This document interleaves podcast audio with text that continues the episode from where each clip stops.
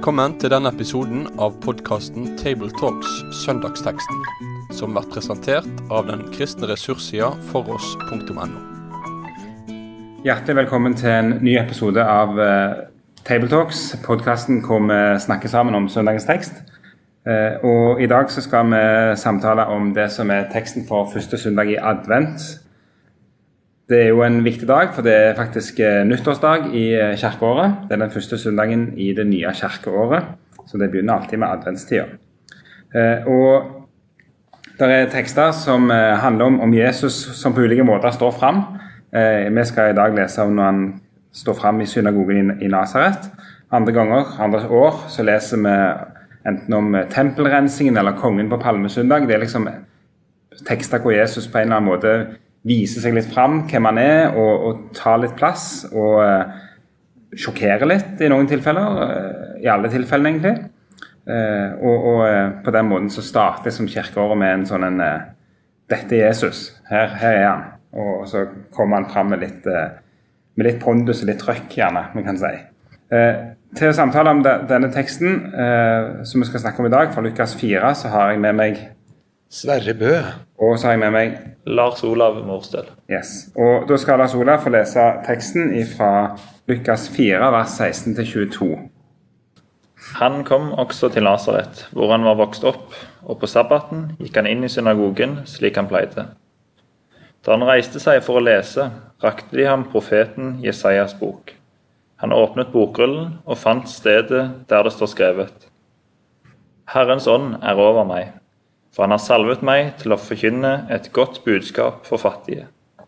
Han har sendt meg for å rope ut at fanger skal få frihet, og blinde få syn igjen, for å sette undertrykte fri og rope ut et nådens år for Herren.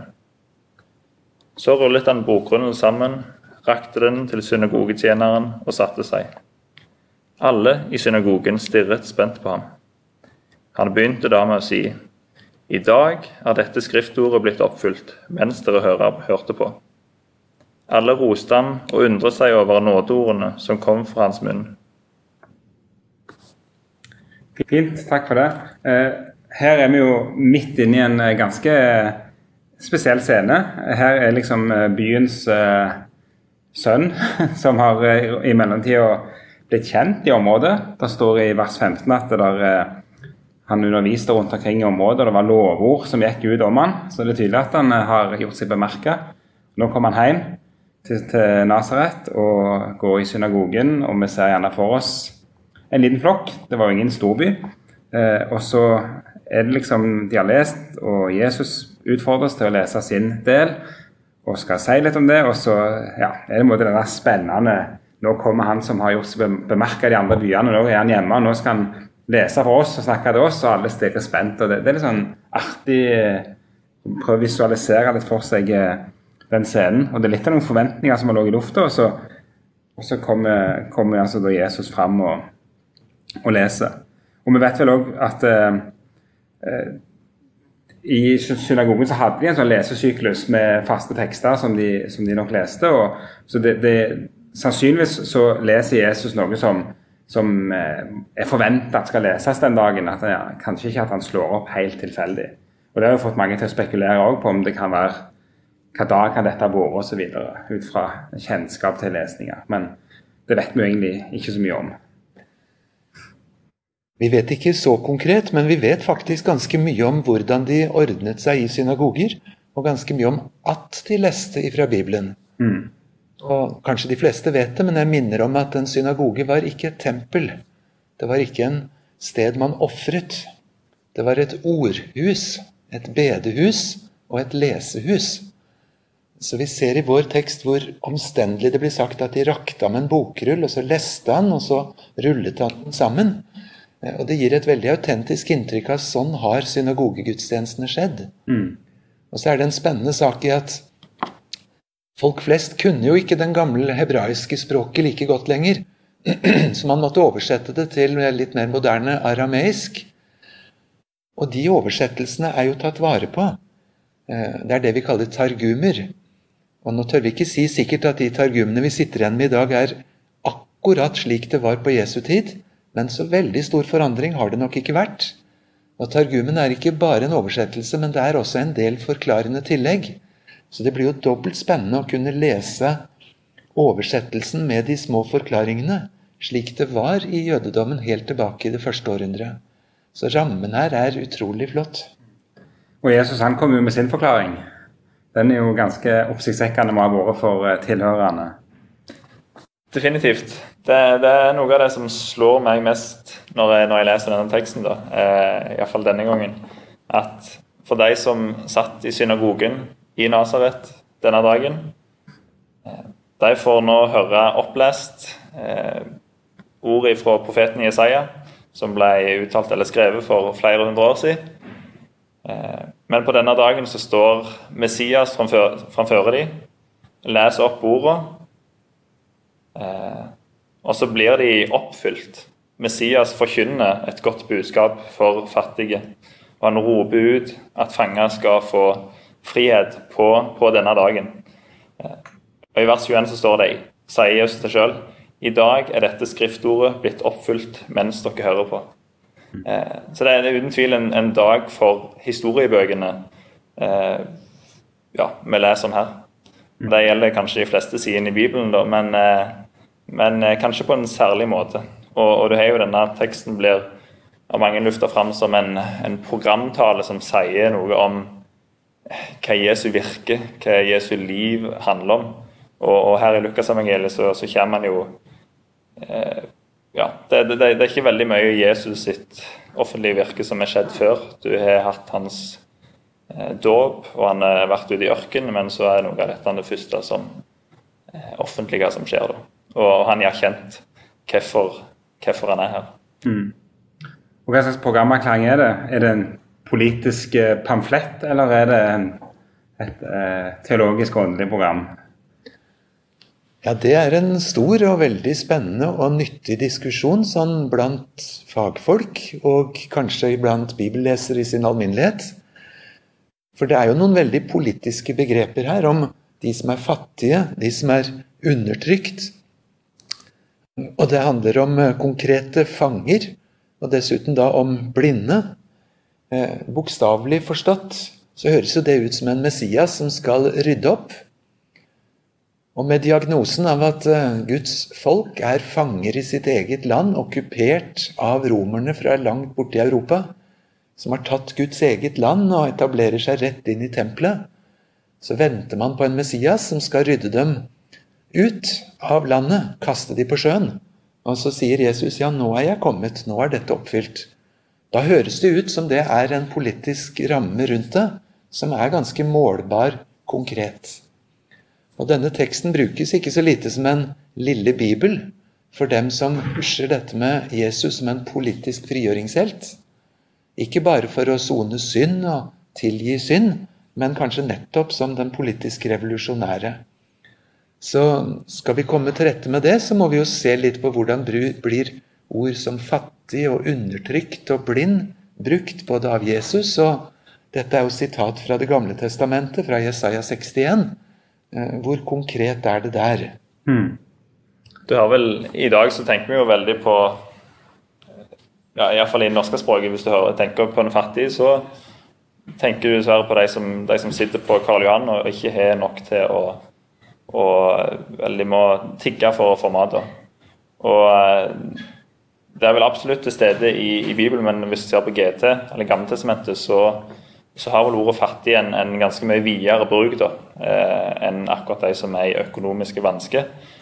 Eh, og så nevner det ikke for å utelukke eh, Ikke for å utelukke at Jesus bruker fattig her da, om, om, de som faktisk er i økonomiske vansker, men eh, at det har et veldig viktig perspektiv da, på de som er undertrykt. Og Hvis vi går til saligprisningene i Matteus 5, eh, så er det jo snakk om de som er fattige i ånden. Eh, ja, og det ser du Ja. Ja, for nettopp det hebraiske termen 'fattig' den har nettopp som du sier, i seg det der elementet av at her, her, er det noe mer enn bare at du mangler penger. Du er fattig når du møter Gud. Ja, sant. Mm. Vi har det veldig spennende forklart på side 1 i Nytestamentet. Det første som sies om Jesus når eh, engelen sier til Josef at du skal gi ham navnet Jesus, for han skal frelse sitt folk fra, Deres fattigdom. fra deres fattigdom, fra romerne.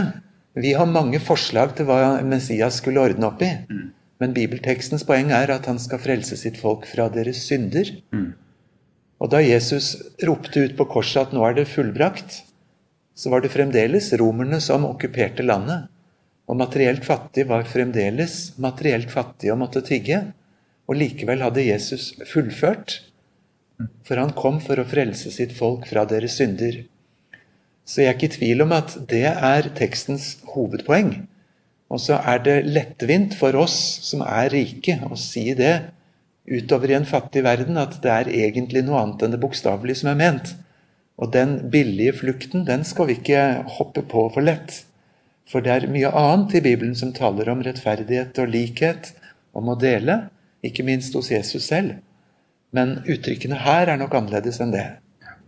Og eh, det kan jo være med å bekreftes kanskje litt. Det er jo Altså, det, Dette sitatet som Jesus kommer med fra Jesaja 61, som han leser, den, den, det òg står jo i en kontekst i Jesaja-boka. Eh, og jeg tenkte f.eks. på når det står Jeg måtte jo myse litt på den hebraiske teksten, selvfølgelig, på Jesaja 61. Og det er jo interessant at det, det begrepet som brukes om, om det å forkynne et godt budskap, det er jo det som også brukes i Jesaja 40, som er introduksjonen om, om eh, Sions budbærer som kommer med det gode budskapet til Sion om at Herren er på vei, og Herren skal komme til sitt folk osv. Eh, og, og der er du i alle fall knytta til, til, til, det å ha fått at Gud skal gjenta sitt folk til nåde før de ut av, av, eh, av det som er straffen for deres synd osv. Så, videre. så det at det er noen koblinger internt i Jesaja-boka, både i Jesaja 40, men kanskje òg ved at Jesaja 61 med at han er salva av Den hellige ånd, og, og eh, og på den måten knyttes til disse sangene som vi ofte snakker om, om Herrens tjener i Jesaja-boka, så virker det som alt legger opp til at dette må vi forstå i en enda bredere kontekst enn bare liksom en, en eh, politisk eh, frigjøringshelt. Her er det noe, noe enda dypere og større som, eh, som står på spill. Så, ja, helt sant. Og så er det kanskje på et vis ikke detaljene i enkeltordet her som er viktigst, men hvis du setter sammen ord eller fattig, fange, blind, undertrykt Du får liksom en hel pakke, da, at det, det er alle de som trenger hjelp. Mm. Eh, alle de som ikke klarer seg sjøl. Eh, de får nå av Messias, eh, av Jesus, høre et godt budskap om at eh, de problemer de har, de skal han Eh, ja, de skal han få orden på.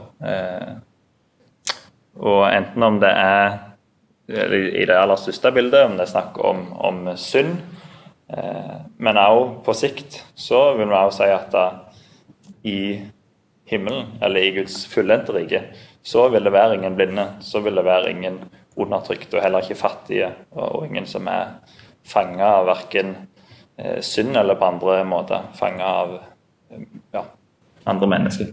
Mm. Så skal vi underveis gjøre alt vi kan for at det heller ikke skal være fattige og undertrykte rundt oss eller noe annet sted på Guds jord, for det er ikke Guds vilje at det skal være slik. Det er enda en ting som er spennende med dette sitatet fra Det gamle testamentet, og det er det som ikke står. Mm. For når Jesus siterer Jesaja 61, så plutselig hopper han ut og dropper neste ledd, som er en hevnens dag fra vår Gud. Det tar Jesus ikke med. Det er ikke med i referatet her i Lukas. Det er jo også litt spennende hva som ikke siteres, midt iblant det som faktisk sies. Stemmer det. Eh, og så kan vi jo gjerne ta med oss eh, et konsept til i sitatet som eh, vi ikke har nevnt ennå. Det er jo dette nådeåret som, eh, som sier seg et nådens år.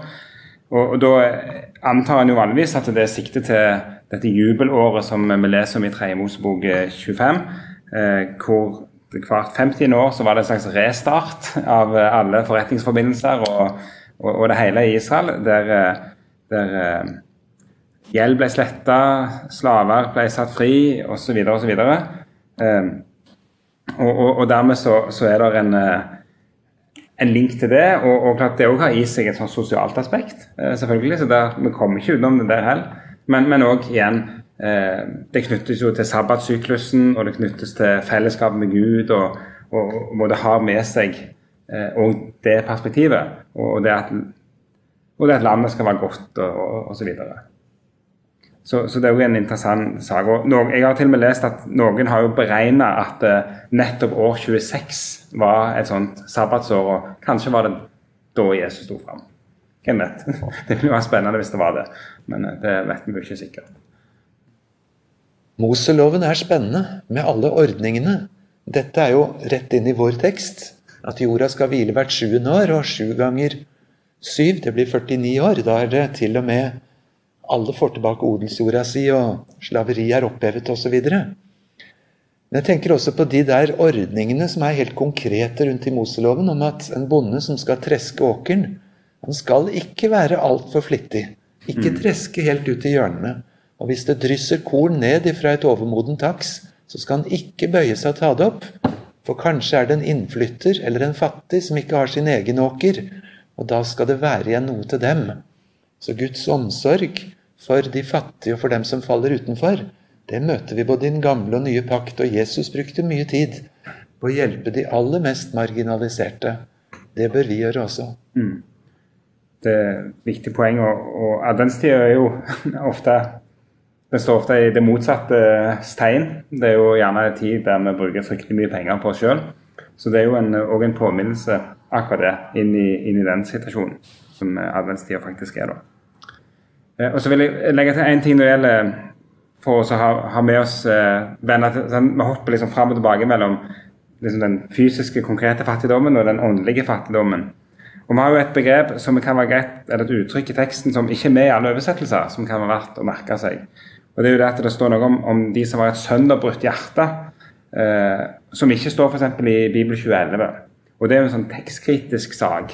Og Sara, Har du mulighet til å forklare kort det? Det blir eh, kanskje litt teknisk, men altså Vi har ikke originalmanuskriptet til noen bibelskrift. Verken Mosebøker eller salmene eller ifra noen del av Nytestamentet. Selvfølgelig har vi ikke det. Men heldigvis så har vi rikelig med avskrifter og kopier. Men ting går tapt gjennom århundrene. Bøker og papir, og også pergamentruller, vil normalt bli slitt og skada. Så det vi sitter igjen med, det er heldigvis da mange, mange, mange avskrifter som vi kan sjekke mot hverandre. Men ikke den overdommeren som en original ville vært. Mm. Så det handler vel litt om det. Ja, Og at det i de eldste skriftene de har funnet, så er ikke den setningen med. Det har vel litt med det å gjøre. Men, og det gjør at disse bibeloversetterne de tar litt forskjellige valg, og så sitter du med litt ulike bibler. Det er vel litt det. Eh, men det innskuddet, det, det gjør jo at den, den får jo enda sterkere fram iallfall den den mer åndelige fattigdommen med et sønderknust hjerte. For det er jo et sitat vi gjenkjenner fra bl.a. Salme 51 og Davids eh, eh, tale der om, om, eh, om, om, Gud som bryr seg om de som Det er det rette offeret til Gud, det er et sønderbrutt hjerte. Eh, så tenkte jeg òg litt på om, eh, eh, Det skjer jo noe ut forbi teksten som ikke vi får med, men som er litt interessant å merke seg. For Jesus står jo litt står på en måte fram her. Det er en forventning, de stiger spent og sånt. Men han snakker jo mer. Han er, jo ikke helt ferdig med det ennå, selv om vi stoppet å lese. Og stemningen snur jo ganske dramatisk. Han blir plutselig, Først er de forundret over de nådens ord som kommer fra han, og det høres ut som der, han, han, sier noe som treffer de og, på en god måte. Men så stikker han litt. Eh, hva er det som skjer videre her? En nøkkel er nok nettopp det eh, som Jesus tar opp, at en profet blir ikke avvist noe annet sted enn nettopp på hjemstedet. Jesus er kommet til sitt eget. De kjenner familie og slekt, og kan ikke se for seg at denne Messias som skal oppfylle Jesaja 61, plutselig er vokst opp i nabogata, og at det er han som skal gjøre det. Og hvor er de resultatene som beviser at dette er oppfylt mens de hører på? Og så, og så, blir det jo en plutselig stemningsskifte som er så dramatisk. Jeg vet ikke om flere bibellesere har følt på det. Når det er ganske mange tekster fra det ene øyeblikket, så er det begeistring. Når Paulus også forkynner. Og i neste omgang så vil de steine ham, ta livet av ham. I dette tilfellet ville de styrte Jesus utfor et bratt fjell, så han skulle miste livet, rett og slett. For, ja, for første konklusjonen der er jo i vers 22 eller alle roste ham og undret seg over nådeordene som kom fra hans munn. Det, det, er jo ikke måte på hvor positivt det er. Mm. Nådeord og eh, Det virker som det er bare fryd og gammen. Eh, men så er det ikke mange vers etterpå, så, så ønsker de å ta livet av han, virker det som. Det er, det, det er slående. Ja. Ja, for Jeg får nesten en følelse av at han går litt bevisst inn for å provosere dem i fortsettelsen. Han, han, men det er jo han kjenner hjertene, så han, han, kan gjerne trykke der det gjør vondt.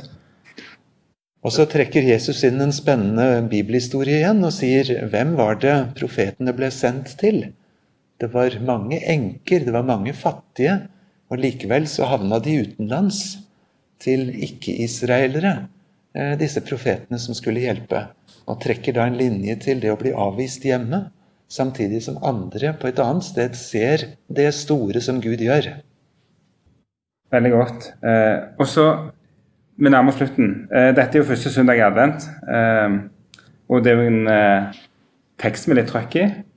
Og situasjonen er gjerne at det er litt sånn her julestemning, litt, kanskje, og litt lystenning og, og, og, sånn. Og så kommer det en litt røff tekst. Eh, hvordan ville, hvordan ville du gått fram i en tale ved den teksten, Sverre? Jeg håper jeg ville fått sagt noe godt om Jesus, som er oppfyllelsen som gir frelse, som gir nåde. Eh, han må være hovedperson i enhver tekstutleggelse denne gangen. Så sitter jeg og tenker på en situasjon som gjorde et veldig inntrykk på meg ved et nyttårsskifte. Da var det riktignok januar-nyttår, men nå er det jo kirkelig nyttår. Og vi satt eh, gode kolleger og snakka om hva kjennetegner tiden vår. Og Det var mange gode forslag på trekk i tiden for å forstå hva det er for en tid vi er i, og nå et nytt år kommer. Og det var mange forslag, så plutselig var det en som sa det som kjentes nesten som et profetisk budskap. altså. Jeg vet, sa min gode kollega, jeg vet hva som er det mest viktige særtrekket ved det året vi begynte på nå. Det er at det er et nådens år fra Herren. Dette er et år mennesker kan få frelse, som før har stått på utsiden. Det er hva Jesus forkynner. Nå er det tid, sted og anledning. En gang så er det ikke det. Da er det for sent. Men nå er det det. Og ved siden av alle trekk i samtiden som forvirrer oss, så må vi først og fremst ha blikket på det at nå er det en tid da Jesus er der for å frelse. Og det må vi si til hverandre og si til dem som enda ikke har del i det. Mm. Olav, har du Ja, nei, det er litt det samme. Eller den eh, Det intense fokuset da på at yes, eller skriftsitatet har med ord som er ropa ut dette budskapet. At det er et, det er et godt budskap, eller det er et eh, evangelium. da, og, og, det er noe som skal forkynnes. Det, det, det skal ikke bare meddeles i en, i en bisetning, men det, det, er noe som en kan springe ut til alle verdens eh, hjørner og, og, rett og slett rope ut. For det, det er et godt budskap.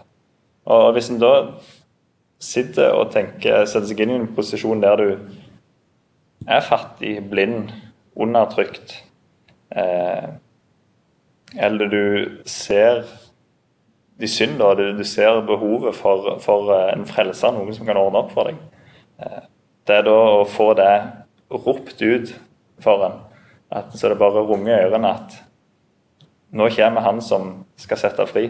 Nå kommer han som skal ordne opp. Eh, det, det, det må være en, en, gledens dag. Veldig fint. Og eh, det er en flott måte å starte kirkenyttåret på, med et nådens år. Og det er et fantastisk innhold i det nådens året. Og så ikke minst òg at eh, han siterer fra GT og viser dette har Gud sagt, dette har Gud lovt, nå skjer det. Og det, det, det er der vi får leve som kristne hele tida. Med det så runder vi av eh, dagens episode av eh, Tabletalks. Eh, for de av dere som ønsker å eh, studere mer denne teksten, så finnes det eh, flere ressurser liggende på foross.no. Både skriftlig gjennomgang og, og, en annen sånn eh, samtale om, om teksten. Så med det så takker jeg for i dag og ønsker Guds velsignelse både ved deg som skal lytte til forkynnelse fra denne teksten, og deg som skal tale over denne teksten. Med det sier vi takk for følget for denne gang. Finn flere ressurser, og vær gjerne med å støtte oss på foross.no.